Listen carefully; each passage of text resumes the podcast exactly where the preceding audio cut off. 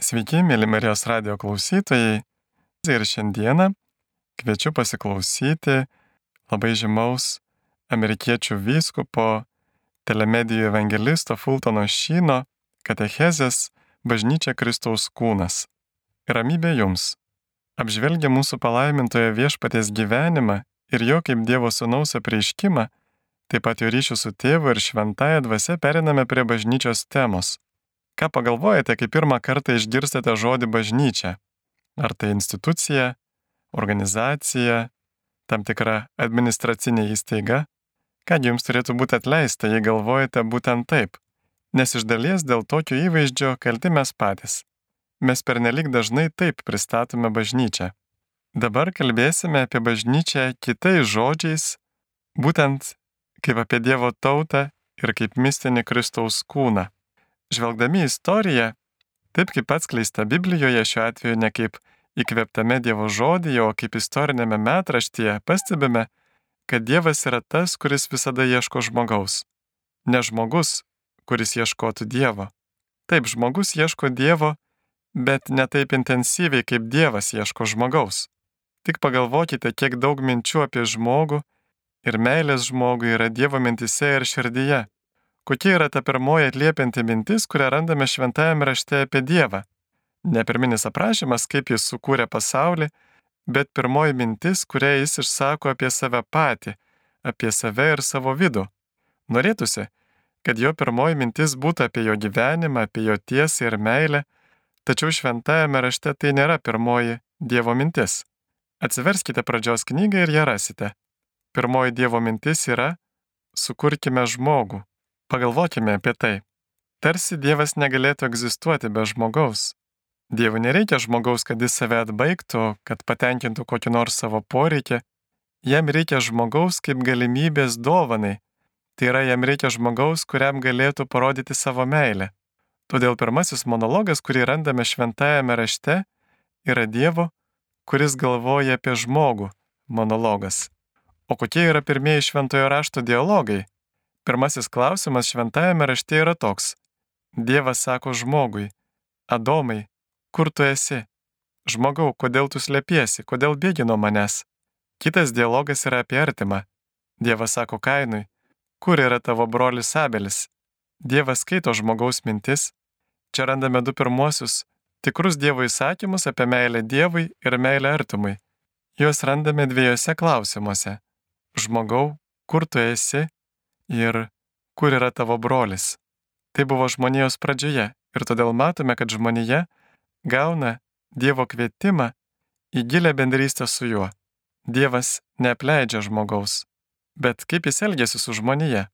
Kai žmonija pradeda gausėti, iš visų pasaulio tautų jis išsirenka vieną tautą, kurią jis vadina savo tauta. Ir ši grupė, ši bendruomenė, ši ypatinga tauta bus tauta, per kurią ateis išgelbėjimas viso pasaulio žmonėms. Kas buvo jo tauta? Jo tauta tai Izraelis. Pirmiausia, jis pašaukė juos per Abromą ir vadovavo jiems per Mozę. Jis valdė juos per teisėjus ir karalius. Jis grasindavo, maldaudavo, įtikinėdavo, įspėdavo, mylėjo per pranašus. Senajame testamente vis iš naujo ir iš naujo matome, kaip Dievas mylinti žmonės elgesi su jais per šią konkrečią tautą. Išėjimo knygoje Dievas sako, būsite mano nusavybė, brangesnė man už visas kitas tautas. Iš tikrųjų man priklauso visa žemė, bet jūs būsite mano kunigiška karalystė ir šventa tauta. Ir vėl Dievas sako, jūs būsite mano tauta ir aš būsiu jūsų Dievas. Amžiams bėgant tai išriškėjo. Dievas suteikė ypatingą vardą savo tautai. Jis vadina juos hebrajiškai kahal. Mes vartosime šį žodį, jis reiškia Dievo išrinktieji, jo išrinktieji, Izraelis. Šis žodis Senajame testamente pavartotas apie 200 kartų. Vėliau, kai Hebrajų Senasis testamentas buvo išverstas į graikų kalbą, šis žodis kahal buvo išverstas žodžiu eklesija. Graikų kalba eklesija reiškia bažnyčia. Taigi, kai tik išgirstate žodį kahal arba Dievo tauta, galite galvoti apie jį graikiškai kaip eklesija. Tai pirmas punktas. Antra, Dievas visada bendravo su savo tauta per vieną žmogų, kurį jis paskyrė vadovu ir savo atstovu. Abromas, paskui Izaokas, paskui Jokūbas, Mozė, karaliai ir pranašai. Ir trečia, kadangi Izraelis buvo jo tauta, jis sudarė su ją sutartį - sandorą. Tai apėmė abipusius įsipareigojimus. Hebrajų kalbos žodis reiškiantis sandorą yra berit. Jūs dažnai girdėjote šį žodį, jis pakartojamas 275 kartus šventajame rašte. Ir berit reiškia, kad jie buvo kažką skolingi Dievui, o Dievas savo ruoštų juos palaimino. Kaip jis sakė, per juos bus palaimintos visos žemės tautos. Todėl Izraelis turėjo būti jo liudytoju. Dievas juos įkurdino pasaulyje, kad planas, kurį jis turėjo visai žmonijai išgelbėti, būtų įvykdytas per juos. Tai išgirdome kalbėdami apie visas pranašystes, apie mūsų palaimintąjį viešpatį. Galiausiai išsipildymas ateis tą dieną, kai pasirodys pats Kristus. Tai bus visų pranašyščių išsipildymas. Štai kodėl Dievo tauta išrinkta būti priemonė, būti sėkla, iš kurios į pasaulį ateis atpirkimas. Ir pagaliau vieną dieną, kai atėjo laiko pilnatvė, pasirodė Kristus. Ir kai jis pasirodė, išsipildė Izaijo pranašystė, arba tiksliau, Ezechielio, kuris sakė, aš pats rūpinsiuosi savo avimis ir jų ieškosiu. Taigi dabar Dievas prisima žmogaus pavydalą. Vieną dieną nuostabaus grožio moteris, mergelė, atnešė senam vyrui kūdikį. Tai buvo Jeruzalės šventykloje. Senolio vardas buvo Simeonas. Jis dažnai kalbėjo maldą, kurią tomis dienomis melsdavosi daugelis žydų, nes žinojo, kad mesijo ateimo laikas jau arti. Jau minėjome, kad Erodas buvo ne žydas, o edomitas. Jis nenustebo, kai atėjo išminčiai. Jis sakė, kad nuneš gimusiam karaliui dovanų, bet dovana, kurią jis žadėjo nunešti, te buvo kalavijas. Yra gėlių, kurios prasiskleidžia tik vakare. Senolis Simeonas buvo viena iš tų gėlių. Ir įsivaizduokite šio senolio ekstazę, kai jis apkabino šį vaiką, jo pirmieji žodžiai buvo, dabar gali leisti savo tarnų ramiai numirti. Tai yra pabaiga. Tai viskas, dėl ko aš gyvenau. Jis kalba motinai. Atkreipkite dėmesį, kaip jis kalba apie Izraelį ir pagonis. Prisiminkite, kad sakėme, jog Dievo tauta turėjo būti šviesa visoms pasaulio tautoms. Dabar Simeonas žvelgia atgal ir žvelgia į priekį. Jis žvelgia atgal į Dievo tautą, kurios kunigu jis buvo, ir sako, štai šis kūdikis, tavo tautos, Izraelio šlovė. Tada jis žvelgia į priekį. Tai šviesa pagonims apšviesti. Kitaip tariant, šiame kūdikyje jis išvelgia naujos sandoros kurėją, naujosios kahal kurėją. Jis taip pat išvelgia jame ženklą, kuriam bus prieštaraujama. Tie patys žmonės, pas kuriuos jis atėjo atnešti išgelbėjimo, o šis gimęs Kristus nebuvo tik kažkas, kas atėjo netikėtai, jis susijęs su visa Dievo tauta per amžius. Ir jei paimsite į rankas Evangelijas ir perskaitysite mūsų palaimintojo viešpaties dvi genealogijas, pamatysite, kad vienu atveju mūsų švenčiausiojo viešpaties genealogija prasideda nuo Abromo, o kitoje genealogijoje grįžtama prie Adomo. Ką tai reiškia? Tai reiškia, kad ši nauja galva, šis naujas Dievo tautos vadovas, kurio tautos laukia, šis Dievo sukurtas žmogus, šis Kristus, yra susijęs su Dievo tauta. Jis turėjo būti įrankiu pasaulio išgelbėjimui. Kai šventajame rašte jūs prieinate prie teksto apie mūsų palaimintą viešpatį, bažnyčios ar kahal Dievo tautos įkūrimą, negalvokite, kad tai yra kažkas nauja. Viskas, ką sako mūsų viešpats, susijęs su šia Dievo tauta Senajame testamente. Pažiūrėkite, kaip jis palaiko tą ryšį. Pirmiausia, jis išsirenka 12 paštalų. Labai tikėtina, kad jie netgi buvo susiję su 12 giminių. Dabar, su šiomis 12 giminių ar veikiau šiems 12 apaštalų, 12 giminių atstovams, jis išrinko vieną kaip savo atstovą. Apie jį pakalbėsime vėliau.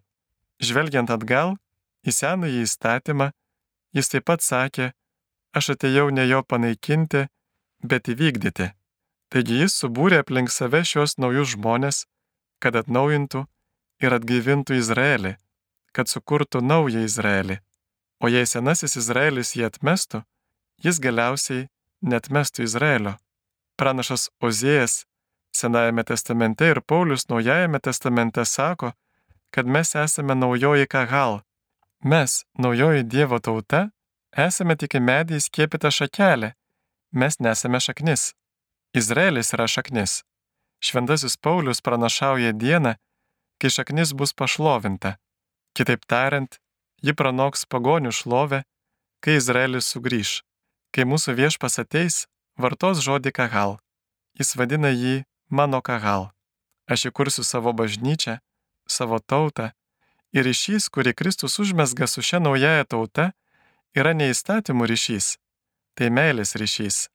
Pats geriausias momentas šiam ryšiui užmėgsti žinoma buvo vakarienė, kur jo dvylika mokinių sėdėjo aplink jį su meile. Ir kaip Mozė dažnai apšlakstydavo krauju žmonės, tai buvo sandoro ženklas, taip jis sakė, kad sudarys naują sandorą, naują testamentą. Ir nebus to šlakstimo ožių jaučių bei avių krauju. Jis atidavė savo kraują ir pasakė, tai yra naujosios sandoros, naujojo testamento, naujosios sutarties kraujas. Tai yra ryšys, kuris suvienės visus mano žmonės. Ar matote, kad bažnyčia nėra institucija? Galbūt dažnai sakote, aš nenoriu institucijos, stovinčios tarp Dievo ir manęs. Tai yra teisinga. Juk kada nors sakėte, bendravimui su Dievu taip, bet bažnyčiai ne. Ji nestovės tarp manęs ir Dievo. Izraelis nebuvo tarp pasaulio ir Dievo. Pagalvokite apie bažnyčią panašiai kaip apie kūną. Ar kada nors sakėte kitam žmogui, pavyzdžiui, man nereikalingos tavo lūpos, akis, tavo rankos, kurios atskiria mane nuo tavęs. Galų gale, kaip aš galiu ką nors tau perduoti, nebent tai būtų kažkas matomo, apčiuopamo ar kūniško. Visa, ką matot manyje, visa, ką kada nors pamatysite, yra nekas kita kaip nematomos sielos ženklas, pasireiškimas. Kūniškumas yra dvasinės būties ženklas. Taigi, kai mūsų palaimintasis viešpats atėjo į šią žemę ir prisėmė žmogaus kūną, jūs nebegalite sakyti, kad jo nenorite, kad Kristaus kūnas atskiria jūs nuo jo meilės. Vienintelis būdas Dievui pertikti savo dieviškumą yra per mūsų palaimintojo viešpatės prisijimtą žmogiškąją prigimtį. Šis jo kūnas buvo jo dieviškumo įrankis. Todėl mūsų palaimintasis viešpats atėjo kaip kunigas, pranašas ir karalius. Visa, ką jis darė, atliko per savo žmogiškąją prigimtį.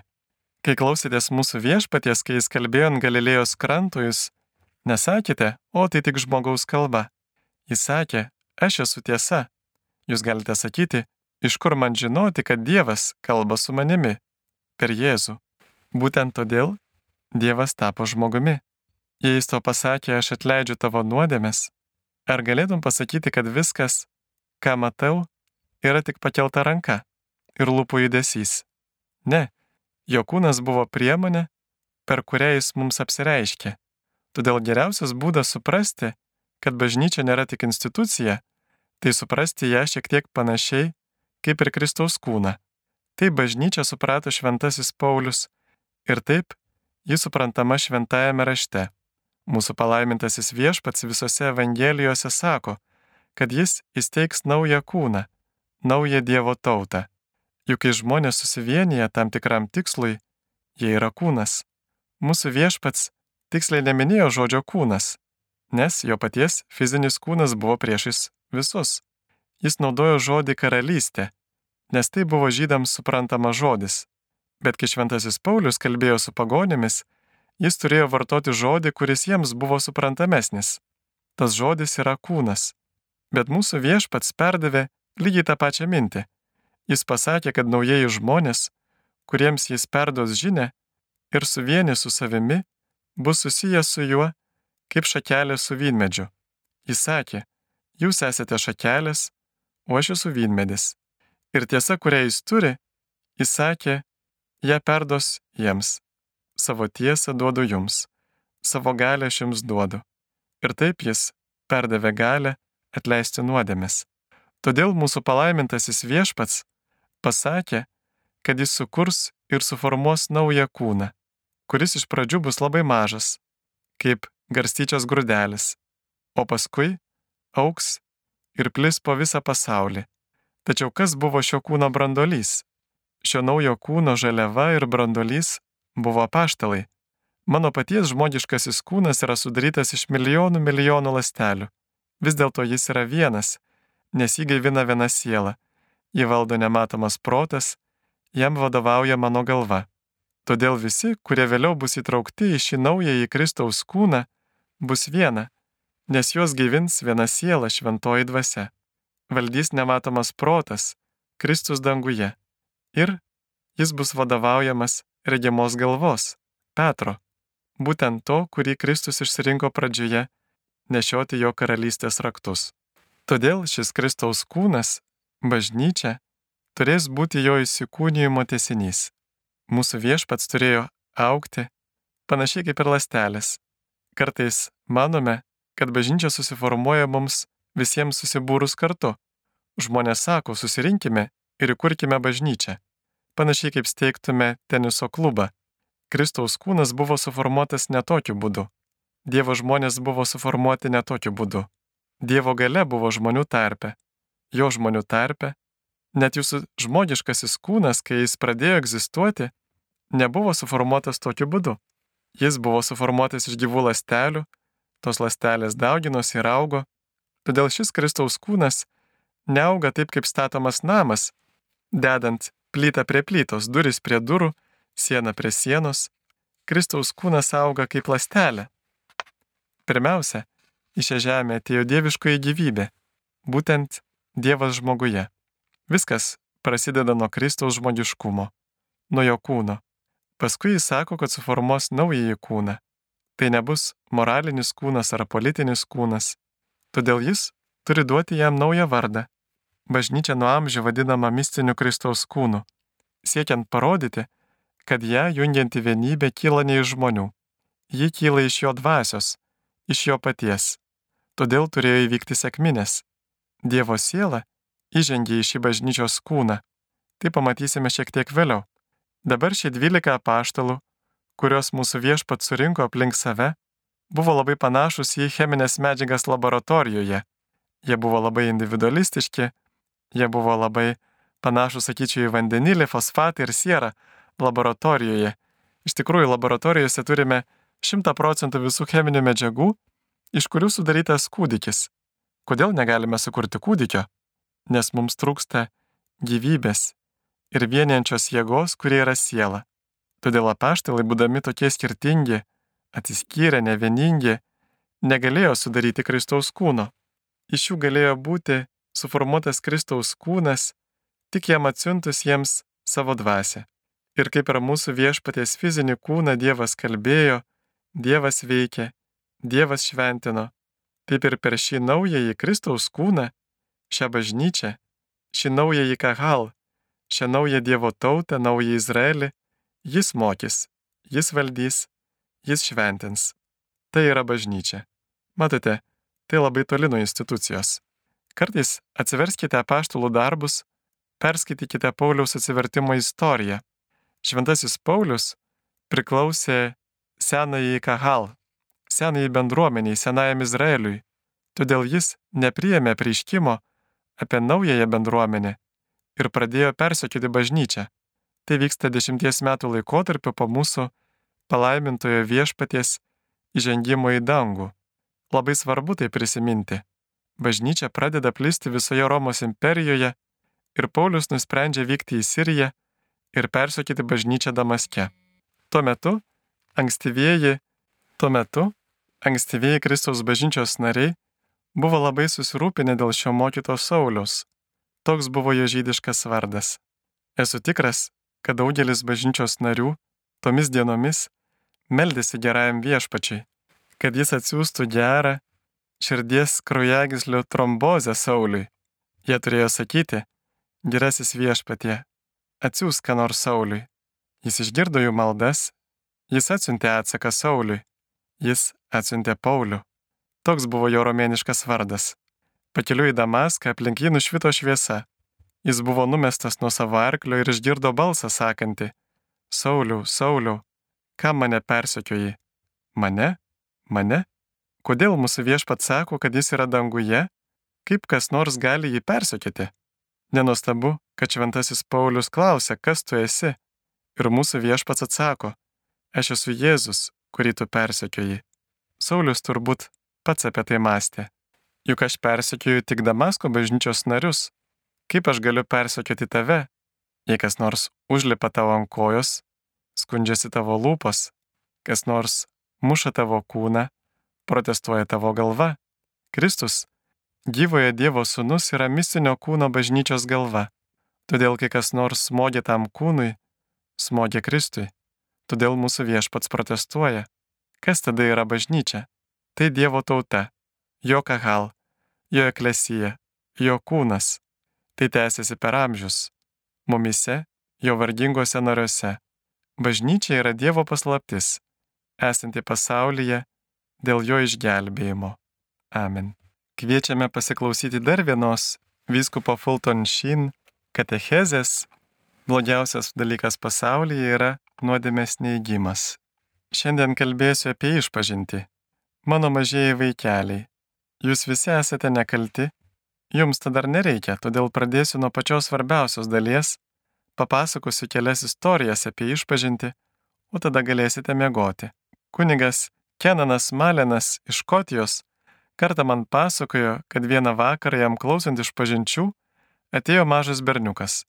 Kanauninkas paklausė, kodėl netėjai po piet, kai klausiau vaikų iš pažinčių. Berniukas atsakė, tuo metu dar nebuvau nusidėjęs, todėl turėjau palūkėti. Keli metkirčiai Kanadoje nusprendė nueiti iš pažinties. Jie to nebuvo darę keletą metų. Taigi jie nusintė patį drąsiausią į klausyklą ir šis prisipažino. Tėve, esu padaręs visas nuodėmes, kokias vyras gali padaryti. Ar esi nužudęs žmogų? Ne, atsakė Metkirtys. Tikrai šios nuodėmės niekada nesu padaręs. Matai, tarė kunigas, tu nepakankamai ištyrė savo sąžinę. Eik iš klausyklos, kaip reikiant ištirk savo sąžinę ir sugrįžk. Išėjęs iš klausyklos vyras apžvelgė ilgą metkirčių eilę laukia ir tarė, nieko nebus viručiai, šiandien išpažintis tik žmogžudžiams. Kartą klausiau iš pažinčių ir vienas mažas berniukas be kitų dalykų prisipažino, kad įmetė riešutą į pelkę. Aš nekreipiu į tai per daug dėmesio, nes nemaniau, kad mano teologijos išmanimas leis pakankamai suprasti tokias nuodėmes. Bet čia atėjo dar vienas berniukas ir be kitų dalykų taip pat prisipažino įmetęs riešutą į pelkę. Ta pati dalyką išgirdau 10 ar 12 kartų. Kai atėjo dar vienas berniukas, aš jam ir sakau, Tu turbūt irgi meti riešutą į pelkę. Šis nustemba, ne, bet visi mane vadina riešutu. Šitą jums patiko, ar ne? Na bet negalime jums pasakoti istorijų visą dieną, turime perėti ir prie vyresnių vaikų. Norėčiau pradėti nuo to, jog panašu, kad gyvename pirmajame žmonijos amžiuje, kai jie atsisako pripažinti kaltį ir nuodėmę. Šiandien visi tiki, kad yra nekaltai pradėti. Mes nesame nusidėjėliai, mes tiesiog pacientai, net gailautojai. Karlas Meningeris iš Menedžerio psichiatrijos instituto Kanzase netgi parašė knygą Kas atsitiko nuodėmiai. Įdomu tai, kad kai moralės teologai ir mūsų katekizmai atsisakė nuodėmės idėjos, psichiatras mums primena, kad nuodėmė yra. Jis teigia, kad teologams atsisakius nuodėmės savokos, ją perėmė teisininkai. Nuodėmė tapo nusikaltimu. O kai teisininkai jos atsisakė, ją perėmė psichiatrai ir pavadino kompleksu. Nuodėmė yra pasaulio realybė. Turime pripažinti šį faktą. Mes visi esame nusidėjėliai. Kiekvienas iš mūsų. Tiesą sakant, negalime sulaukti Dievo gailestingumo, kol neprisipažįstame esą nusidėjėliai. Kas nutinka, kai užgneužiame kaltį ir nuodėmę? Taip, mes tai darome. Vyrai daro nuodėmės ir nekreipia į tai dėmesio, taip pat ir moteris, Kai neiškeliame savo nuodėmį į paviršių ir neišpažįstame jų gerajam viešpačiui, tai labai stipriai veikia mūsų protą, o kartais ir mūsų kūną. Turbūt esate girdėję apie medicininius transplantus - inkstų transplantus, širdies transplantus. Taip pat gana dažnai girdite, kad vienas ar kitas transplantas neprigijo. Kodėl? Nes kūnas jį atmetė. Mūsų organizmuose yra antikūnių, kurie nepriima svetimkūnių ir naujų organizmų taip ir mūsų siela turi antikūnių Ir kai į ją patenka nuodėmė, ji tarsi susijaukia, tampa nelaiminga. Tai panašu į lūžusi kaulą. Kaulas skauda. Kodėl? Nes kaulas yra ne savo vietoje. Kai mūsų sąžinė būna netokia, kokia turėtų būti, mes kenčiame. Mūsų sąžinė susijaukia, mes jaučiamės nejaukiai. Galime tai slopinti alkoholiu ar įvairiais pasilinksminimais, bet tylos momentais kalties jausmas sugrįžta. Apie kalties poveikį rašė dar Šekspyras. Tik pagalvokite, Šekspyras gimė 1564 metais. Tikiuosi, kad neklystu, ši data tiesiog man išplaukė iš pasąmonės, netikrinkite jos. Jei gerai pamenu, antraisiais studijų metais koledže mokiausi, kad Šekspyras gimė 1564 ir mirė 1616. Šiaip ar taip, svarbu tai, kad šimtus metų prieš atsiranda psichiatrijai, jis pasakoja apie tokius reiškinius kaip psichozė, pasireiškianti Magbetui, ir neurozė, pasireiškianti Lady Macbeth. Macbethas ir Lady Macbeth, norėdami užgrobti sostą, susimokė nužudyti karalių. Po žmogžudystės Macbethui prieš akis visą laiką rodėsi durklas ir jis klausė, ką aš čia matau. Nejaugi durkla.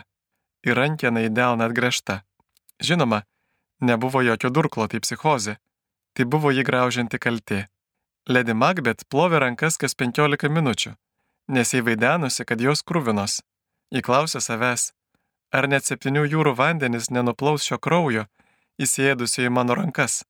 Nebuvo jokio kraujo ant jos rankų. Tai buvo užslopintos kalties poveikis jos protui. Kartą pas mane atėjo moteris pakalbėti apie savo brolį. Jis lankėsi pas daktarus jau ketverius ar penkerius metus, bet jo būklė negerėjo. Jo svoris nukrito iki 40 kg. Gal galėtumėte su juo pakalbėti, paprašė jį. Atsakiau, kad jei problema psichinė, jam reikia psichiatro, bet jeigu jo būklė nulemta moralinių dalykų, galbūt galėsiu jam padėti. Taip ir buvo. Atėjo vyras, sverintis apie 40 kg, gležnas baugus. Aš jam ir sakau, papasakok man apie save, kalbėk, kad ir pusvalandį, aš tavęs nepertrauksiu. Jis kalbėjo apie 40 minučių. Tada jo paklausiau, kiek pavogiai. Jis sako, aš nevogiau. Aš vėl klausiu, kiek. O jis, ką jūs, aš nevagis, aš nevogiau. Ir vis dėlto kiek? 3000 dolerių, bet kaip jūs sužinojote? Aš atsakiau, kad iš tiesų nežinojau, kad jis vogė. Tai kodėl klausėte? Matai, paaiškinau jam, tu man papasakojai, kad dėdamas pinigus į dėžutę, visada juos prieš tai nuvalai. Tuomet pagalvojau, kad gal... Tuomet pagalvojau, kad gal turi nešvarių pinigų. Taigi jis pavogė 3000 dolerių. Mes sudarėme planą, kaip jis gražins tos pinigus ir jo sveikata pradėjo taisytis. Taip kaltė veikia jo sielą. Pagalvokite, mielos ponios, kiek daug psichiškai sutrikusių moterų bus Junktinėse valstijose po 10 ar 15 metų, kai abortų sukelta kaltė pradės veikti jų sielas. Šiuo metu teisinamasi tuo, kad visi tai daro ir kad tai tik kelios lastelės. Kartą viena mergina atėjo pas daktarą ir paprašė, ar negalėtumėte būti toks malonus ir pašalinti iš mano kūno kelias lasteles. Gydytojas paklausė, kokį vardą duotumėte toms lastelėms. Taigi praėjus keletui metų kaltė pasireikš kokiu nors ypatingu būdu, nors gali atrodyti, kad jos nėra. Kaltė gali nepasireikšti iš karto. Tai labai akivaizdu iš karaliaus Dovido gyvenimo. Vieną dieną nuo savo rūmų stogo viršaus jis pamatė besimaudančią moterį vardu Bačeba. Jis paliepė tarnams ją atvesti, norėdamas patenkinti savo geidulius. Jis neišmintingai pasidavė aistrai ir Bačeba pasiluito besilaukianti. Jos vyras Urijas buvo išvykęs į karą. Dovydas parsikvietė jį atgal. Karalius gali tai pasielgti ir tarė, eik namo pas žmoną. Urijas jam atsakė, ne, aš kare ir mums neleista grįžti pas žmonas, kol mes kovojame. Dovydas jį nugirdė ir vėl liepė eiti namo, bet šis pasiliko miegoti prie Dovido rūmų durų. Dovydas bandė padaryti taip, kad tėvystė būtų priskirta Bačebos vyrui, bet galų gale supratęs, kad šiuo būdu jo neatsikratys, perdavė savo generolui, kad pastatytų jį priešakinėse mūšio linijose, kad šis žūtų. Taip ir įvyko. Urijas žuvo. Dovido tai visiškai nejaudino, kol po septynių ar aštuonių mėnesių pas jį neatėjo pranašas Natanas. Turiu vieną problemą, tarė Natanas Dovidui. Ir kadangi esi karalius, noriu, kad ją išspręstum. Kartą buvo vienas vargšas vyras, kuris turėjo avelę. Netoli šio vargšo gyveno turčius. Jis pavogė avelę, kad galėtų papatauti su savo draugais. Dovydui tučtojau parūpo socialinis teisingumas. Jis sušuko, taip negali būti, jis turi užmokėti savo gyvybę, o nusavybė turi būti atlyginta keturgubai. Natanas jam ir sako, tai tu esi tas žmogus. Tu atėmė avelę iš Urijo, atėmė žmoną iš vyro. Tuomet Dovydas atsisėdo ir parašė žymėje 50-ąją psalmę. Pasigailėk manęs viešpatė. Tiesa, manau, kad naujose raštuose ji dabar yra 51-oji. Matote, kartais ne visada, bet kartais norime atsikratyti asmeninės atsakomybės, rodydami didelę meilę socialiniam teisingumui. Prisiminkite, kai Judas buvo vaišėse Simono namuose ir ten užėjusi moteris išlėjo brangų kvapnų aliejų ant mūsų viešpatės pėdų, Judas pasakė, koks švaistimas, kodėl neparduoti šio aliejus ir netiduoti pinigų vargšams. Įsivaizduokite Judą, besirengianti išduoti mūsų viešpatį, sakanti, mes girdėjome tavo kalno pamokslą, kai sakei, palaiminti vargdieniai, kur tavo meilė dabar? Ar pamiršai visus tos žmonės, gyvenančius lūšnose tarp Jericho ir Jeruzalės? Atsimink tas dienas, kai vaikščiojame po Jeruzalės miestą. Ar jau nebepamani tų vargšų? Pažvelk į šias nuolankių žviejų lūšnas, čia kavarnaume, kur tavo meilė vargšams? Mūsų viešpas atsakė, judai, vargšų jūs visada turėsite su savimi, o mane ne visuomet turėsite. Ar Judas rūpinosi vargšais? Ne. Jis vogė iš apaštalų kasos ir tai bandė pridengti savo nedorus darbus. Taigi, kai mėginame nuslopinti savo kaltę, ji lieka amžinybei, nebent mums atleidžiama. Kai mums atleidžiama, kaltė būna ištrinama. O kaip mums būna atleidžiamos nuodėmės? Per išpažinti, veikiant Dievo maloniai ir tikėjimui Kristumi. Kas yra išpažintis? Tai apsinuoginimas sielos apsinuoginimas. Mes nusimetame visas netikras kaukės, pasiteisinimus bei apsimetinėjimus ir pasirodome tokie, kokie iš tikrųjų esame.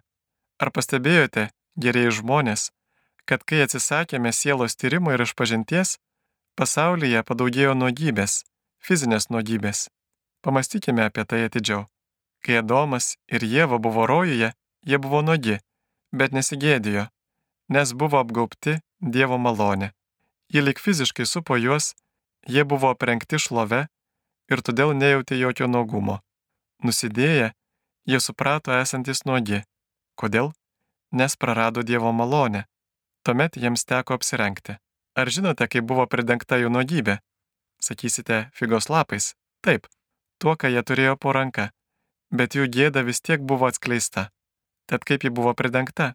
Dievas padarė jiems drabužius iš gyvūnų kailių. Dievas turėjo įsikišti, jis nužudė gyvūną, ne juos, ir tai reiškia kraujo praleimą. Galėčiau įsivesti per visą Senąjį testamentą, plėtodamas šią istoriją, bet esmė ta, kad jie buvo nuogi ir gėdijosi, nes buvo praradę malonę. Mūsų moderniame pasaulyje mes grįžtame prie nuogybės, bandydami sugrįžti į Edeno sodą, neužlipdami į Kalvarijos kalną, bet tai yra neįmanoma. Tad kasgi yra išpažintis? Tai dar viena nuogybės forma. Ne epideminė ar epiderminė nuogybė, bet etinė nuogybė, kurią mes tiesiog sakome savo brangiam viešpačiai. Štai koks aš esu. Esu apgailėtinas nusidėjėlis. Ir kai atliekame išpažinti, įvyksta tai, kas gali būti pavadinta žmogiškųjų šiukšlių perdirbimu. Šiandien mes daug girdime apie šiukšlių perdirbimą, bet aš kalbu apie žmogiškųjų šiukšlių perdirbimą.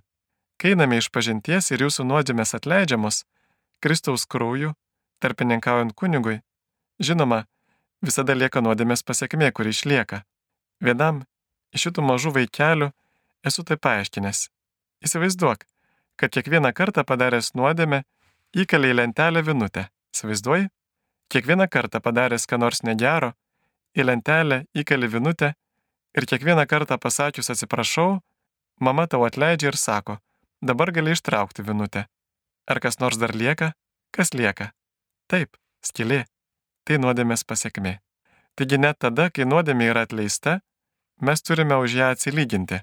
Todėl mums, duota išpažintis ir atgaila, kad užpildytume skilutes. Bet mums nereikia atlyginti lygiai verčiai, nes mes turime šventųjų malonę, turiu mintyje šventųjų bendravimą ir mūsų maloningoje viešpatės malonė. Kai einame iš pažinties, mūsų gyvenimas tampa visiškai perkeistas. Pateiksiu Jums kelis pavyzdžius, kaip pasikeičia gyvenimas atsiduodant Dievo maloniai. Kartą Londone buvo toks vyras, kuris ateidavo į Šventojo Patriko bažnyčią kiekvieną rytą, kai ją atidarydavau ir užimdavo vieną iš galinių klauptų. Atsiklaupdavo, bet neidavo komunijos. Ateidavo apie 7 val. ryto, niekada neidavo komunijos, niekada nesinaudojo maldaknygė, bet medituodavo iki maždaug pusė dvyliktos. Tada išeidavo, grįždavo po pietų ir pasilikdavo iki uždarant bažnyčią nakčiai. Niekada su niekuo nekalbėjo. Keletą mėnesių tai stebėjęs, kartu jo paklausiau, ar visada buvai toks geras, koks esi dabar. Aš jį mėginau, nes jeigu būtų atsakęs taip, būčiau žinojęs, kad tai netiesa. O jis atsakė, įvertinęs visas gautas malonės, manau, kad dabar esu tūkstantį kartų blogesnis nei kada nors anksčiau. Toliau vyras papasakojo apie save. Jis buvo alkoholikas, toks baisus alkoholikas, kad net nusiaudavo batus prie smuklės durų ir parduodavo juos už gėrimą. Tačiau kiekvieną pelinų trečiadienį duodavo įžadą negerti ir laikydavosi jo iki Velykų sekmadienio. Taip jis elgdavosi kiekvienerius metus. Tada, pasakojo jis, vieną dieną savo pasakiau, jei galiu ištverti 40 dienų, kodėl negalėčiau ištverti 40 metų. Taigi jis nusprendė negerti 40 metų, bet tai nebuvo taip lengva. Kartą užėjau į Maiden Lane bažnyčią, pasakojo jis, ten yra trys laipteliai vedantis nuo Covent Gardeno pusės į pagrindinę bažnyčios salę ir dar vienas priekiniuose klauptose laiminimui. Tuo metu, kai tėvas Kirnis iškėlė monstranciją, rengdamasis laiminti, mane apėmė toks begalinis troškimas išgerti, kad jei viso gyvenimo pagundos būtų susitelkusios į tą vieną momentą, jos nebūtų prilygusios tai agonijai. Tas troškimas buvo toks didelis, kad nebegalėjau jam pasipriešinti.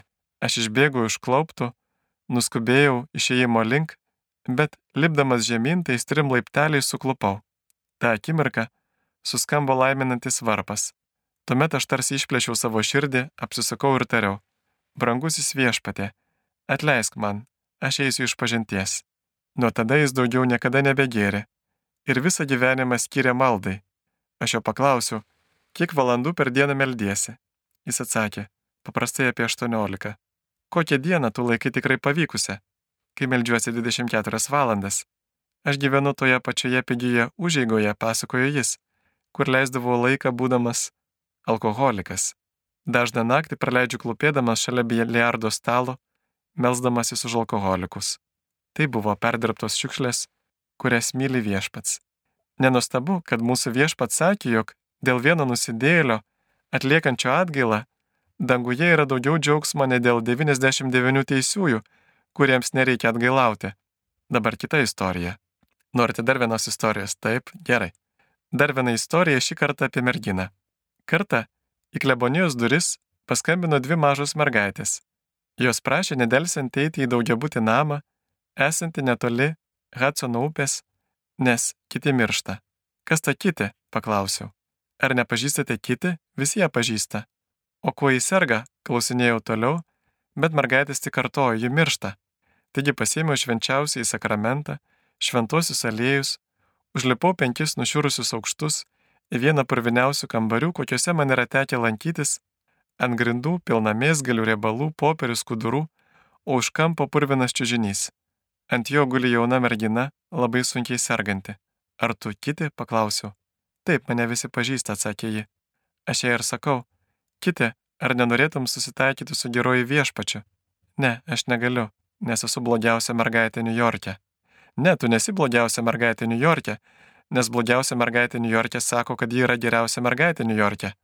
Aš vis prašiau ir maldavau jos atlikti išpažinti, bet ji tvirtino negalinti to padaryti. Aš apgailėtina kartoju ji. Pažvelkite į mano rankas. Jos buvo pajuodusios ir padengtos mėlynėmis. Tai mano vyro darbas. Jei neparnešu pakankamai pinigų iš gatvės, jis mane muša. Dabar jis mane nunuodijo, aš mirštu nunuodyta. Papasakojau jai apie mūsų viešpaties palyginimus. Galų galiai jį prieju iš pažinties, bet aš taip ilgai užtrukau įtikinėdamas ją Dievo malonę, kad nuodai jau buvo pradėję veikti skirtingas smegenų dalis. Jei ėmė rodytis, tarsi jį pamažu prarastų išorinius organus. Pavyzdžiui, jį ištiesė ranką ir liesdama ausitarė. Mama, štai mano ausis, pasirūpink ją, kai manęs nebebus. Į kambarį įėjusi draugiai pasakė, štai mano akis, imk ją. Man jie atidavė savo liežuvį. Tada supratau, kad padėtis labai rimta. Patipiau ją ir ji tučto pasveiko. Aš jai tariau, atsiprašau, kiti, tu sugrįžai į šį pasaulį. Jie atsakė, tai įrodymas, kad galiu tapti geresnė. Jie ėmė paštalauti tarp tų pačių žmonių, kuriuos anksčiau aptarnaudavo. Kai šeštadienio vakarais klausydavau iš pažinčių, atsivėrus langeliu išgirzdavau. Tėve, esu ta mergina, apie kurią jums pasakojo kiti. Tėve, esu tas vyrukas, apie kurį jums pasakojo kiti. Vieną naktį jie atėjo į kleboniją ir pasakė, kad su jie yra mergina įvykdžiusi žmogžudystę. Kur ji paklausiau? Bažnyčioje. Negali būti bažnyčia užrakinta. Na, jis sėdi ir laukia bažnyčios priengyje. Taigi nuėjau prie durų, pasikviečiau ją ir netrukus įpriejo iš pažinties. Toks buvo kelias, kuriuo kiti tęsė malonės apaštalavimą po to, kai jai buvo atleista.